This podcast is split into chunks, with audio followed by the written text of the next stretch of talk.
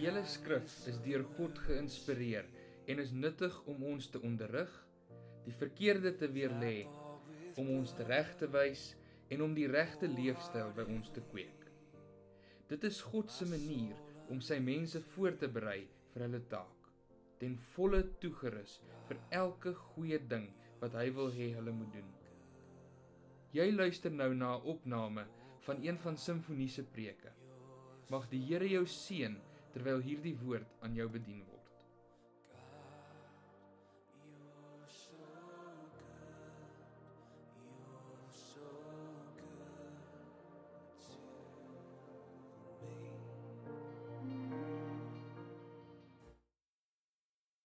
Dit is vandag vir my baie groot voorreg om die woord te kan bedien en baie dankie pastoor van Skalkwyk. Ehm uh, is altyd lekker om in hierdie gemeente te wees en en mag die Here ook deur sy woord regtig volgend met ons praat. Ehm um, ons leef vandag in 'n wêreld soos jy weet wat al hoe meer vyandig word teenoor die Christelike godsdiens. En ons ons, ons beleef al hoe meer dat dat die wêreld al hoe meer arrogant raak en die basiese dinge van die Christendom hoor en hoor bevraagteken. Maar ek dink daar is veral twee dinge waardeur die bose probeer om die Christendom te vernietig. En die eerste ding is dat dit daar word alles in hulle vermoë gedoen en daar word soveel boeke deesdae uh, geskryf en verskyn op die mark om vir jou te sê alle godsdienste het maar waarheidselemente.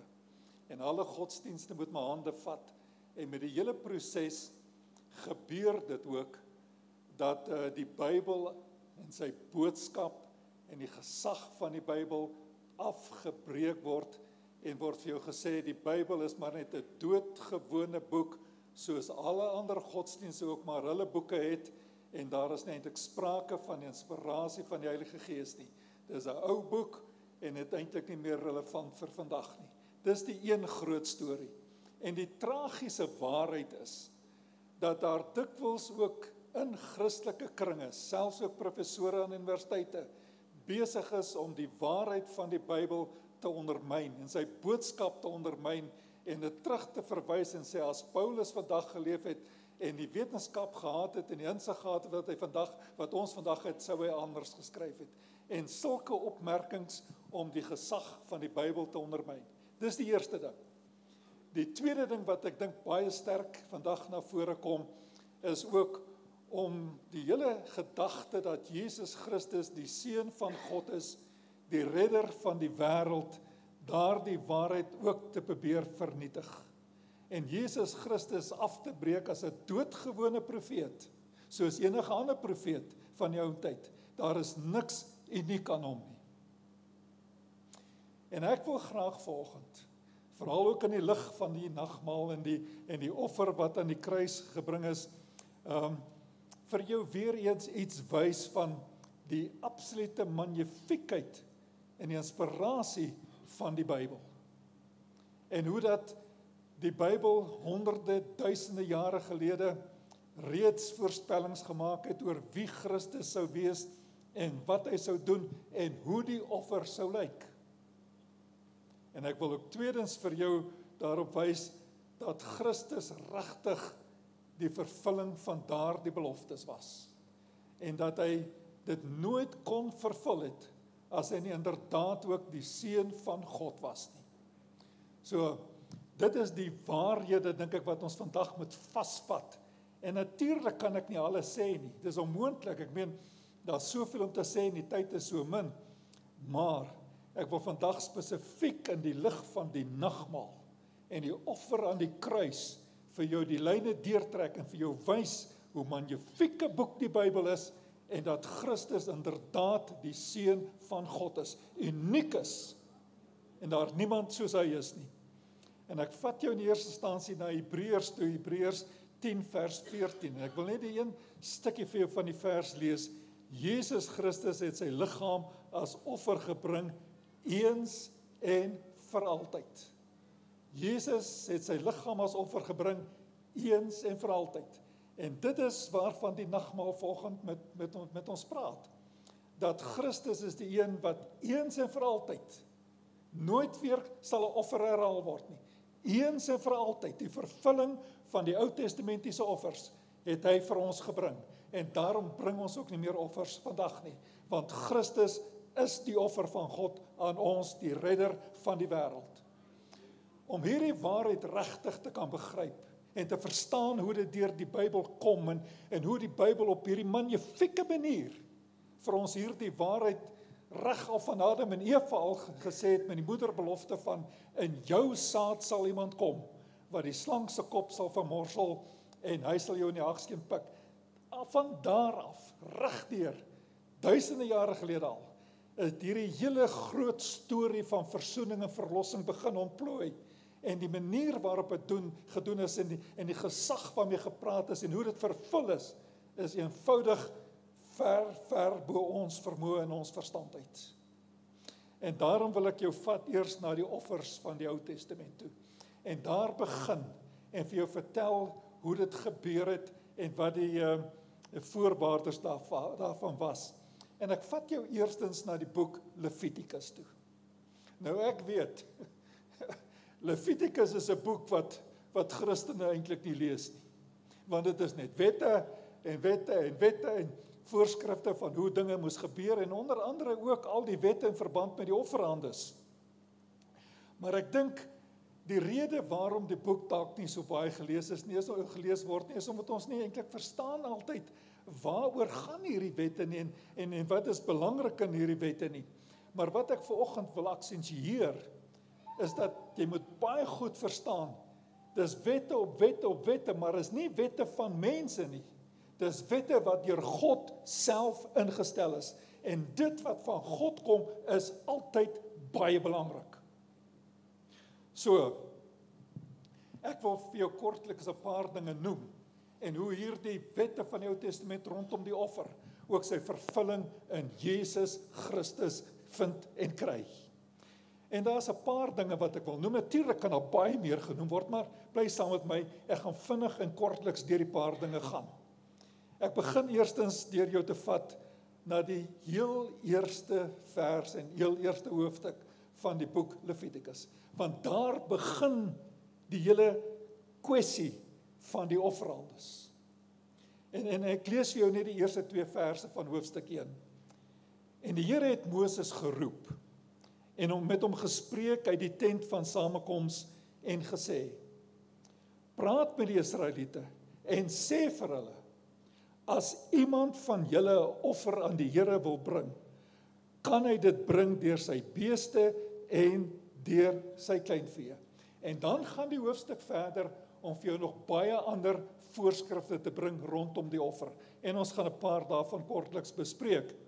Maar waarom dit werklik gaan in hierdie gedeelte is dat die Here reg aan die punt begin vir Moses roep. En hy sê vir Moses: As jy regtig tot God wil nader, dan moet dit geskied en as Israel tot God wil nader, dan moet dit geskied deur 'n offer. En jy hoor met hierdie eerste twee verse sê die Bybel al reeds vir jou en sê die Here eintlik al reeds vir sy volk jy kan nie tot God nader in jouself nie. Jy is te stikkend en te gebroke mens, te veel sonde Jy kan nie voor God verskyn op by jouself nie. Dit moet geskied deur 'n offer. As jy tot God wil nader, moet dit deur 'n offer gebeur. En hierdeur sê die Bybel eintlik vir jou baie pertinent om tot God te nader en om tot God te offer is eintlik dieselfde ding. Dit is eintlik sinonieme. En en en ek sê dit vir jou ook op grond van die feit dat As jy na die Hebreëse teks toe gaan, dis die taal waarin die Ou Testament geskryf is, dan sal jy vind dat die Hebreëse woord vir 'n offer is korban.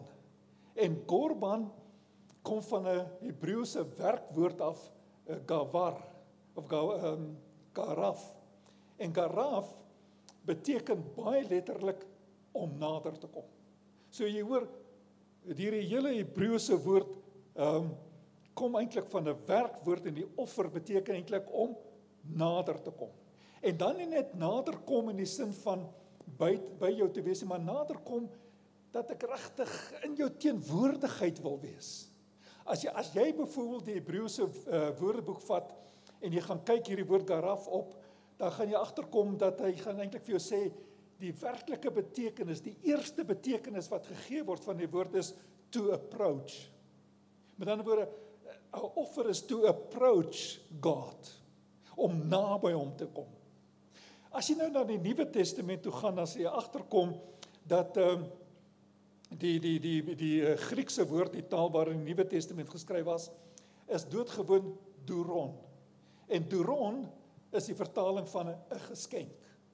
En jy sal vind dat dat die offer in die Ou Testament in sekere konteks ook gebruik was as 'n geskenk. So as ek nou volgens vir jou sê wat was en wat was tipies van die offer van die Ou Testament, dan sal ek vir jou sê dit was eintlik 'n naderkom geskenk van 'n mens na God toe. Met ander woorde, die Here sê vir Moses hier in Levitikus 1, hy sê as die volk na my toe wil kom, dan moet hulle na my toe kom met 'n naderkom geskenk. En hulle moet dit doen deur hulle eie kleinvee en hulle beeste. En hier aan die begin van God se verhouding wil hy eintlik vir jou sê geen mens, né, soos ek vir jou gesê het, kan aan homself na hom toe kom nie. Jy kan nie met leë hande voor God staan nie. Jy moet met 'n naderkom geskenk na hom toe kom. Hoekom? Want as jy gaan na die Nuwe Testament toe waar hierdie dinge sy klimaks vind, dan dan is dit die Nuwe Testamentiese boodskap oor en oor en oor. Daar's geen manier geen manier om by God uit te kom behalwe deur die offer Jesus Christus nie. En van vroegs af moet die mens leer, ek kan nie in my eie gebrokenheid voor God staan nie. Ek kan alleen in die vervulling van die offer, dit waarvan die offer gespreek het, kan ons regtig voor God staan. Trouwens, die Nuwe Testament is so duidelik daaroor dat die Here self sê in Johannes 16 vers 4, 4 hy sê niemand kom tot die Vader behalwe deur Jesus Christus nie. En jy hoor die uniekheid van Christus. Daar's nie baie paaie na God toe nie. Niemand kom na God behalwe deur Jesus Christus nie. Want hy is die naderkom geskenk. Die enigste naderkom geskenk geskenk wat regtig regtig deur God aanvaarbaar is. Hy is die vervulling van dit alles. En daarom die Ou Testament offers het alleen krag gehad om hulle heen gewys het na die eintlike offer Jesus Christus. As Christus nie gekom het nie, en Christus nie die naderkom geskenk geword het nie, dan was al hierdie offerandes te vergeefs en was dit betekenisloos geweest. Maar omdat dit in Christus sy vervulling vind, daarom vroeg al het die Here gesê, deur 'n offer nader jy tot my. Christus is die enigste offer. En dan lees jy byvoorbeeld in Hebreërs 10 vers 4 wat sê want die bloed van bulle en bokke kon onmoontlik die sondes wegneem sonder Christus betekenisloos. En daarom bring ons ook nie meer belofte uh, offers nie. En ons belydenis vanoggend as gemeente is, as Christene is dat Christus is die vervulling van daardie offers. Hy is die weg, hy is die waarheid, hy is die lewe. Niemand kom tot die Vader behalwe deur hom nie. Hebreërs 10 vers 14. Hoor wat skryf die skrywer. Hy sê deur een offer het hy Christus die wat vir God afgesonder was vir altyd volkome van sonde vrygemaak. Jy hoor dit maak ver oggend nie saak hoe goed of hoe sleg jy geleef het nie. Jy kan ver oggend met jou lewe, hoe dit ook al lyk, na God toe kom. Die basis vir jou toegang tot God en tot hom te nader is nie jou goeie lewe nie is nie hoe jy vandag gedoen het nie, is nie jou werke nie. Dis eintlik in 'n sekere sin irrelevant in jou nader tot God. Die basis is die uh, naderkom geskenk Jesus Christus. En hy's klaar geoffer. En daarom wil ek vanoggend vir jou uit my hart uit sê, moenie toelaat dat die duiwel jou vrymoedigheid teenoor die Here steel nie. Jy kan na God toe gaan. Hy sê as jy na hom toe gaan, moet dit deur 'n offer wees. Hierdie offer is gebring en hierdie offer is Jesus Christus. Dis klaar. Dis 'n historiese feit en is op daai basis wat jy tot God nader. Tweedens Offers was bedoel om meer te wees as net 'n naderkom geskenk gewees. Jy moet ook 'n offer as jy 'n offer bring, was daar voorwaarde aan verbind gewees, jy moet jouself ook gee. Nie net jou offerande nie, jy moet jouself ook aan die Here gee. Streng gesproke, as jy nou mooi dink aan die Ou Testament offers. Moes die Ou Testamentiese mense en moes ons ook eintlik as Christus nie gekom het nie, ons self op die offeraltaar gelê het. Dis ons wat skuldig is, is nie die dier nie. Ons moes doodgemaak gewees het. Ons moes verbrand gewees het. Ons bloed moes gevloei het. Maar jy moet jouself gee. Dis eintlik waaroor dit gaan. En die beginsel rondom dit alles in die Ou Testament was dat as jy jou eie besitting gegee het, het jy ook jouself gegee.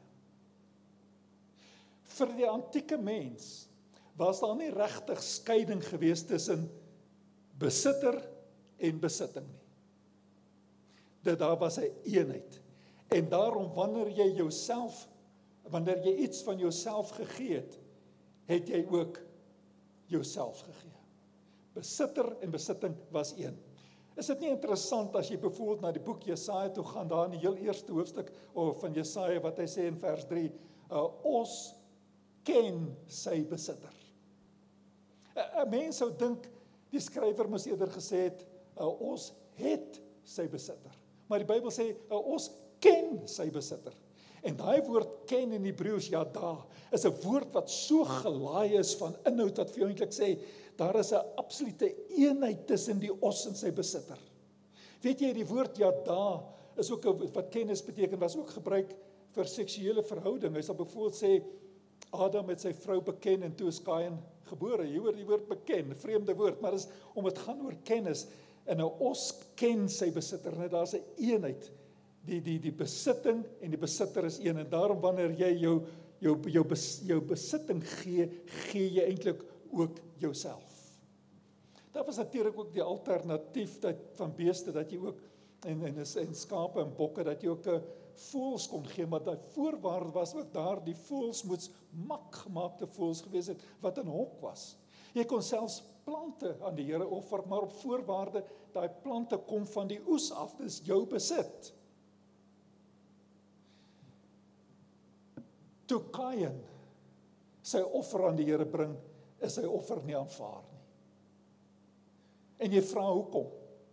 Nie omdat dit plantaardig was nie, maar die Bybel sê hy het die vrugte van die land gevat.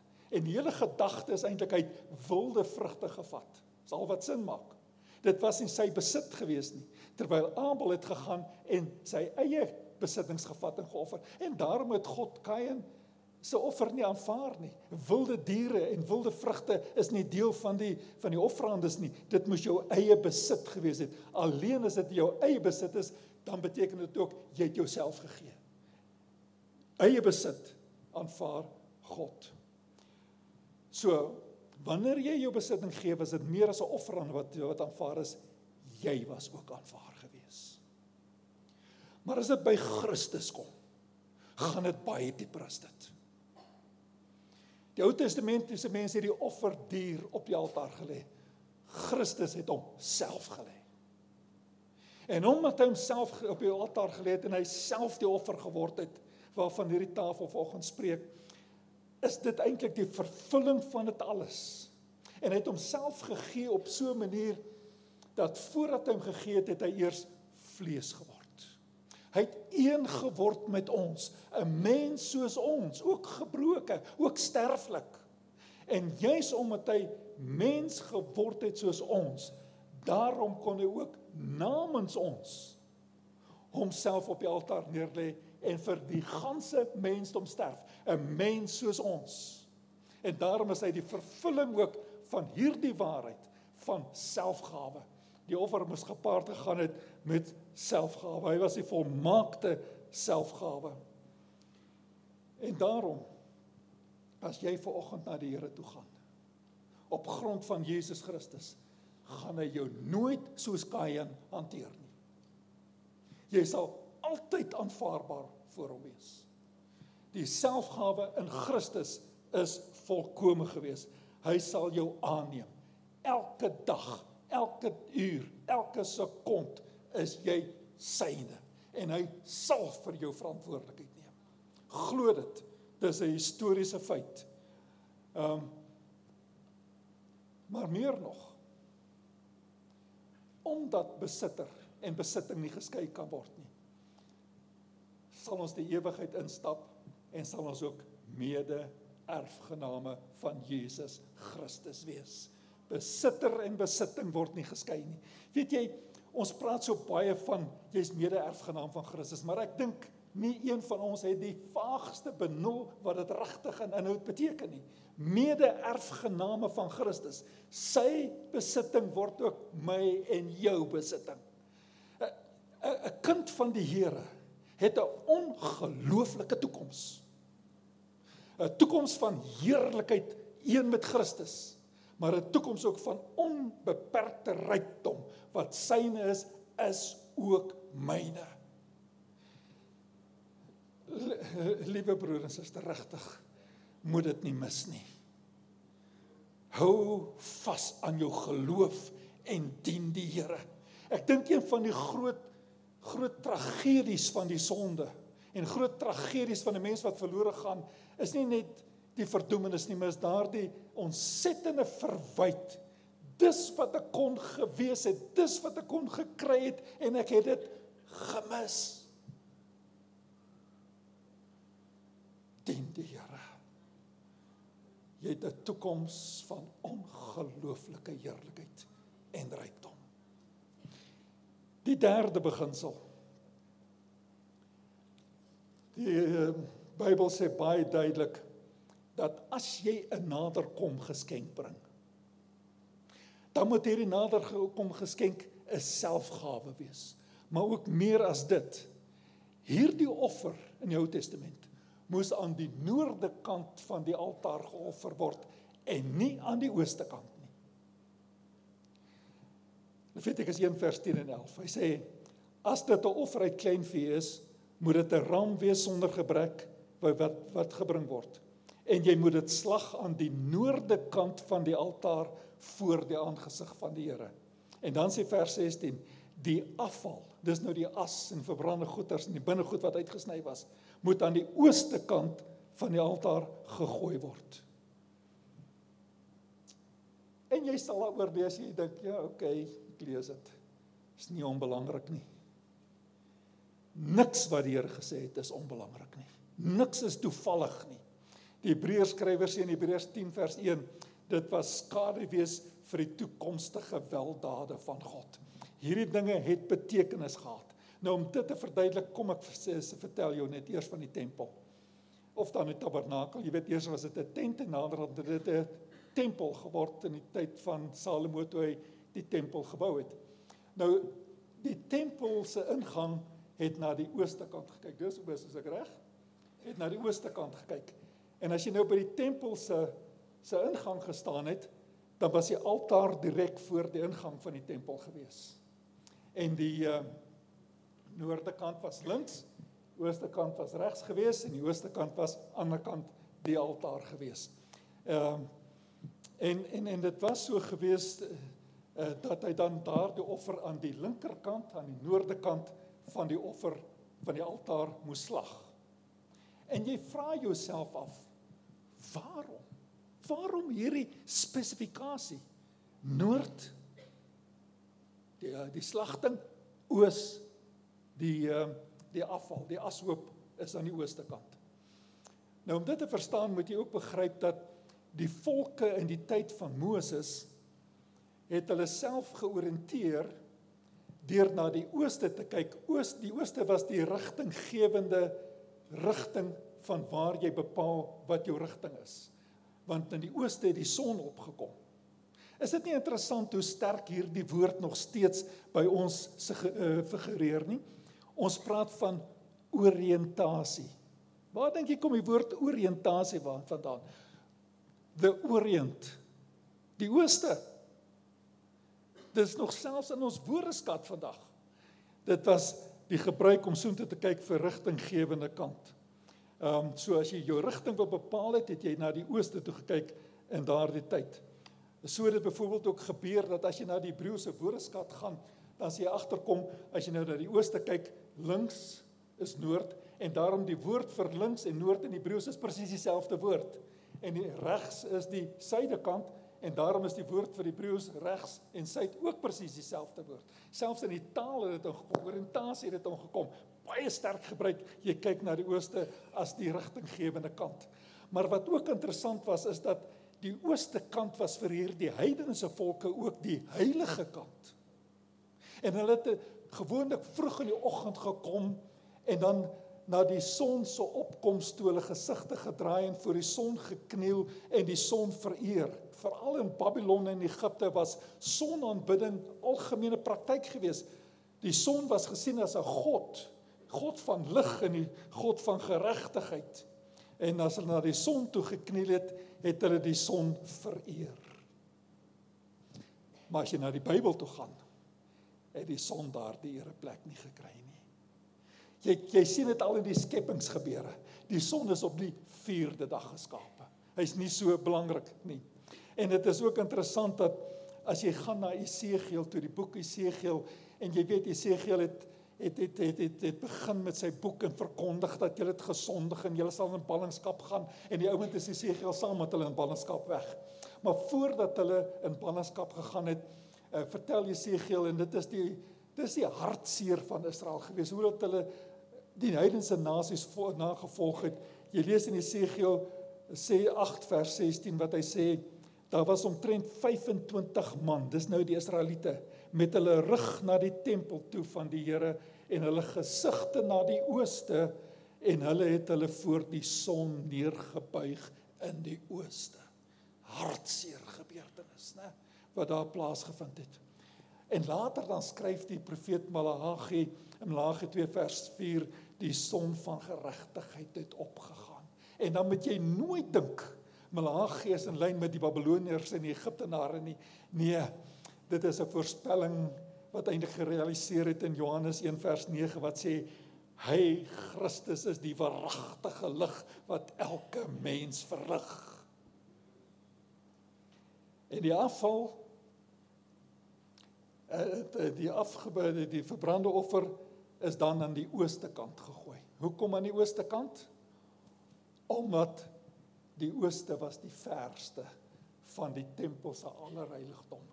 Hier was die tempel, hier was die deur, daar's die altaar, ooste kant, ander kant die altaar, heiligdom, verste terug in die tempel.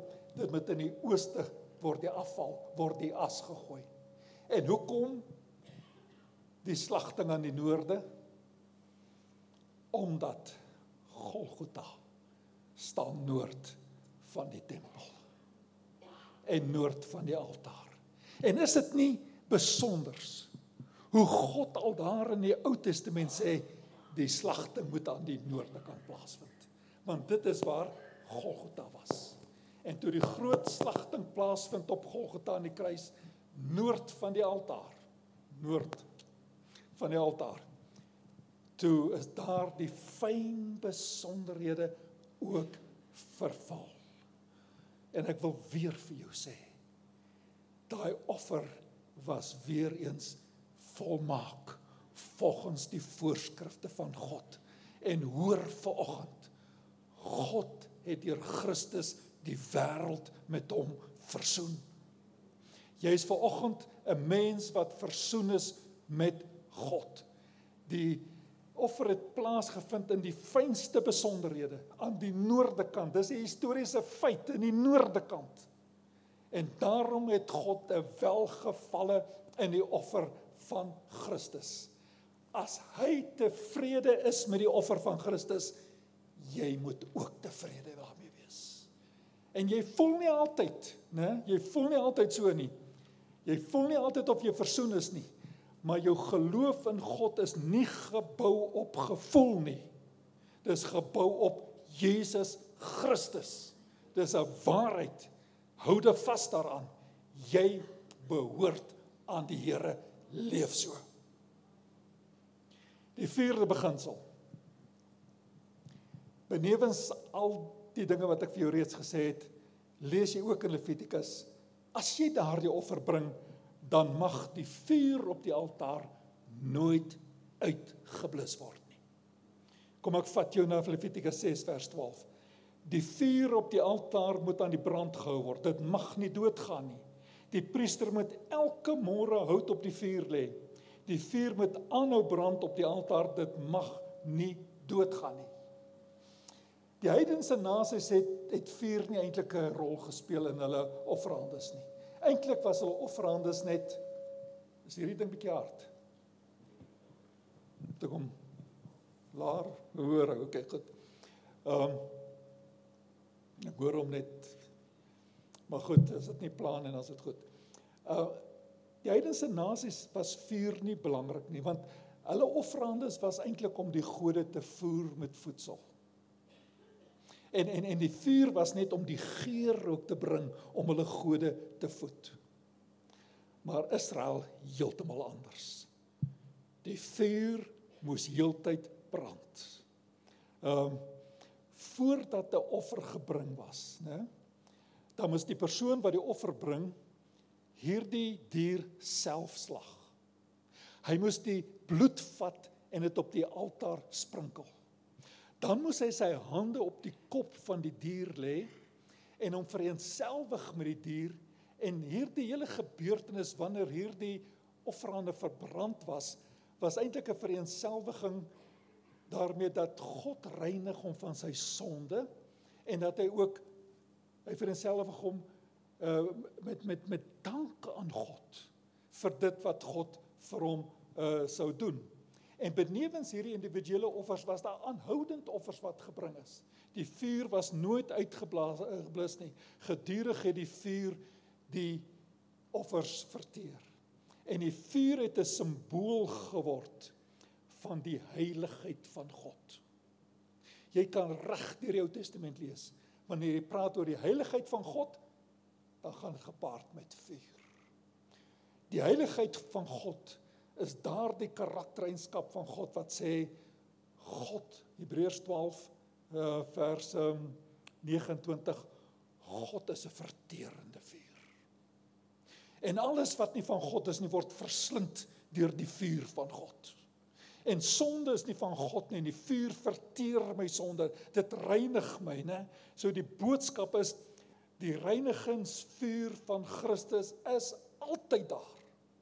Die vuur moet altyd brand. Hoor vanoggend. Jy kan nie 'n sonde doen groter as die bloed, die vuur van Jesus Christus nie. Moenie kom en sê die Here kan my nie aanneem nie. Ek is te groot sondaar. Dis nie waar nie. Daardie vuur brand altyd. Jy kan altyd weer maak nie saak hoeveel keer jy gesondig het nie, terugkom na die Here. Jy kan weer van jou sonde bevry word. Die vuur brand altyd. Dit gedui op Christus wat die enigste en die al, altyd die offer is wat altyd die reinigingswerk bring.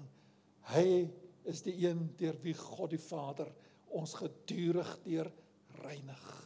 Ons leef liewe gemeente vandag in die genade tyd wat jy weer en weer na God gaan die vuur bly brand. Jy kan weer vergifnis kry. Maar hoor my ook. Daar's 'n dag wat jy gaan sterwe. En dan is die genade tyd verby. Maar die vuur gaan nog steeds brand. En dan gaan die vuur nie reinigingsvuur wees nie. Dan is dit die vuur van die oordeel van God. Waar jy as gebroke stikkende mens sonder Christus voor die heiligheid van God staan. En daarom word die verdoemenis ook ook simbolies vir jou beskryf as 'n vuur wat brand waar God in jou is. Verskriklik. Gryp die genade tyd van God. As jy vanoggend nie die Here ken nie in die naam van die Here. Die reiniging is vir jou daar. Neem hom aan. Dien hom.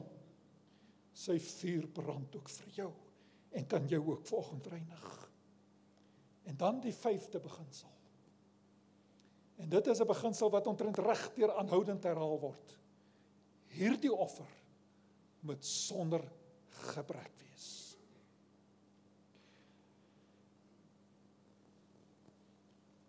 So as jy gaan na Levitikus 1 vers 3, hy sê as sy offer 'n brandoffer is van beeste, moet dit 'n bul sonder gebrek wees. As dit van skape en bokke is, sonder gebrek wees.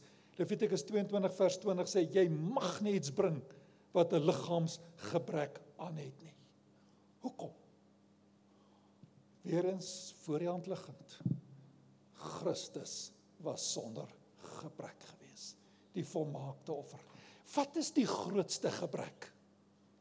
Wat is die groot gebrek wat ons verhouding met God afsny en vertroebel? Ons sonde. Ons sonde. En daardie dier sonder gebrek was eintlik 'n simbool van sondeloosheid. As jy gaan na Jesaja 59 vers 1 tot 2 dan sê die profeet daar die hand van die Here is nie te kort om te help nie en sy oor is nie te swaar om te hoor nie maar dit is julle ongeregtigheid wat 'n skeidsmuur gebring het tussen julle en julle God dis julle sonde wat gemaak het dat hy sy gesig vir julle verberg en dat sy oor julle nie kan hoor nie sonde is die groot probleem dat ons en God nie by mekaar kan uitkom nie En die Bybel is baie duidelik daaroor. God haat sonde. Daar is geen gemeenskap tussen lig en duisternis nie. God is heilig. En heiligheid akkommodeer nie dit wat boos is nie. As God dit wat boos is akkommodeer, dan is God nie meer God nie. Wil ek God ook nie dien nie, want dan kan God dalk môre self boos word. Hy is volmaakte lig. Heiligheid geregtigheid, waarheid. Hy is God en hy sal nooit nooit nooit duisternis akkommodeer nie. Sonde is ons grootste probleem. En daarom sê die Bybel ook in eh, Romeine 3 vers 3 6 eh, vers 23 ehm um, die loon van die sonde is die dood. Dis onvermydelikheid onvermydelik. Uh, en hy wat sonder sonde Jesus Christus, het daardie loon van die sonde kom dra. Jy hoor sonder gebrek. As Jesus Christus gesondig het, dan het hy verdien om te sterf op Golgotha. Dan kon hy nooit namens ons sondes gesterf het nie. Dan was hy self skuldig geweest. Maar omdat hy sonder sonde was en hy was sonder sonde, hoekom? Omdat hy die seun van God is. Ons almal het gesondig, elke mens en dit ontbreek ons aan die heerlikheid van God, maar die seun van God. Net die seun van God kon sondeloos wees. En daarom Mohammed kan nie jou middelaar wees nie. Boeddha kan nie jou middelaar wees nie. Selfs Maria kan nie jou middelaar wees nie. Net die seun van God. Net hy is sonder gebrek. Net hy was sondeloos geweest. Net hy kan in jou plek gesterf het. Daarom sê Johannes 1 1 Johannes 1 vers 9 as ons ons sondes bely hy is getrou en hy is regverdig om ons ons sondes te vergewe en van alle ongeregtigheid te reinig. Getrou en regverdig teenoor wie? Hm? Getrou en regverdig teenoor wie is God? Teenoor Christus. Want hy was die volmaakte offer. As jy jou sondes bely en God vergewe dit nie, dan is hy onregverdig teenoor Christus ontrou aan Christus. Want Christus was die volmaakte offer sonder sonde gewees en hy het dit gebring en daarom sê hy as jy jou sondes bely God is getrou teenoor Christus. Regverdig teenoor die volmaakte offer Christus om jou jou sondes te vergewe en van alle ongeregtigheid te reinig. Dank God vir Christus. En ons belydenis vanoggend is Jesus Christus is die seun van God. Hy is ons middelaar, die redder van hierdie wêreld. Bely dit met jou mond, glo dit met jou hart en jy sal gered wees. Die laaste ding. Bloed bring ook verzoening. Bloed bring verzoening. En hoor my mooi. Dis nie omdat daar enige magiese krag in bloed is nie. Die rede waarom die Bybel sê bloed bring verzoening is omdat jy alreeds weer en ek vat jou weer na hoofstuk 17 vers 11 van Levitikus. Hy sê want die lewe van die vlees is in die bloed.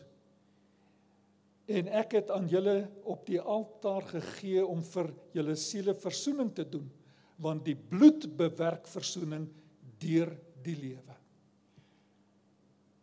Die bloed is in die vlees.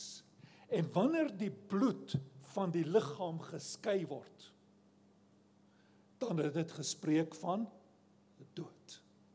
Wat is die loon van die sonde? Die dood. Die bloed is van die liggaam geskei. Daarom moes hy die bloed sprinkel teen die altaar. Daarom moes die priester eenmal 'n jaar ingaan in die heiligdom van God en die bloed neem en dit sprinkel op die ark, die versoendeksel van die ark. As God bloed sien, sê die Pasga, gaan hy verby.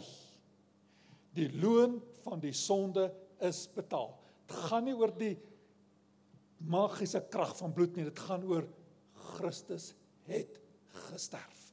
En sy bloed reinig ons van alle ongeregtigheid. 1 Petrus 1 vers 18. Ons is losgekoop deur die kosbare bloed van Jesus Christus.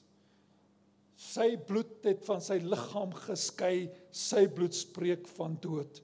En daarom omdat die prys betaal is, die Satan het geen aanklag teen jou nie.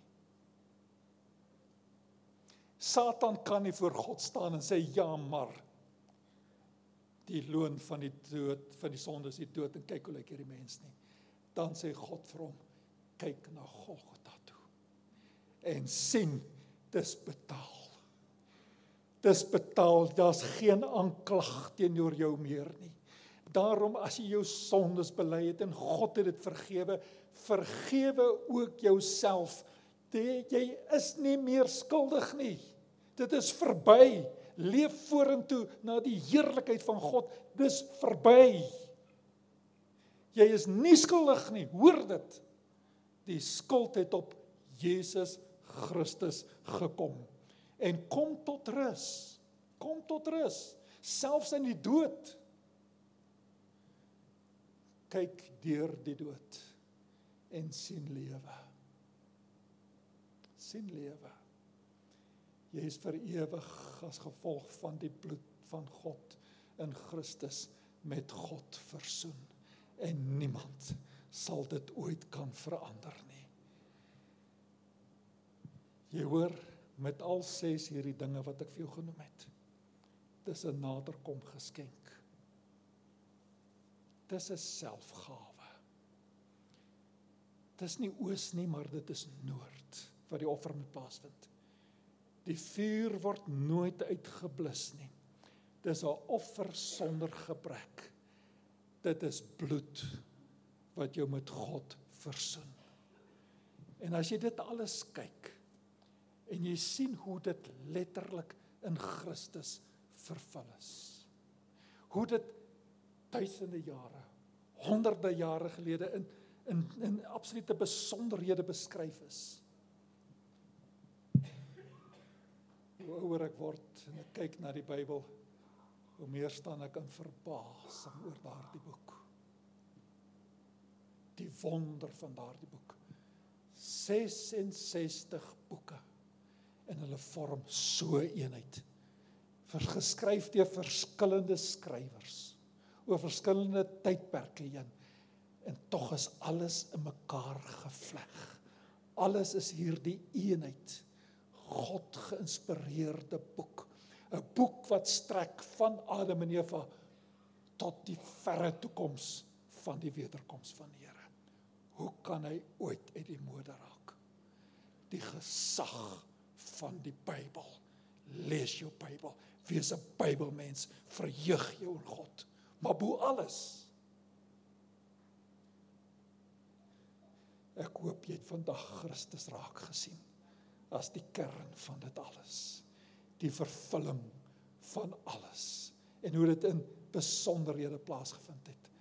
Hy is die seun van die lewende God.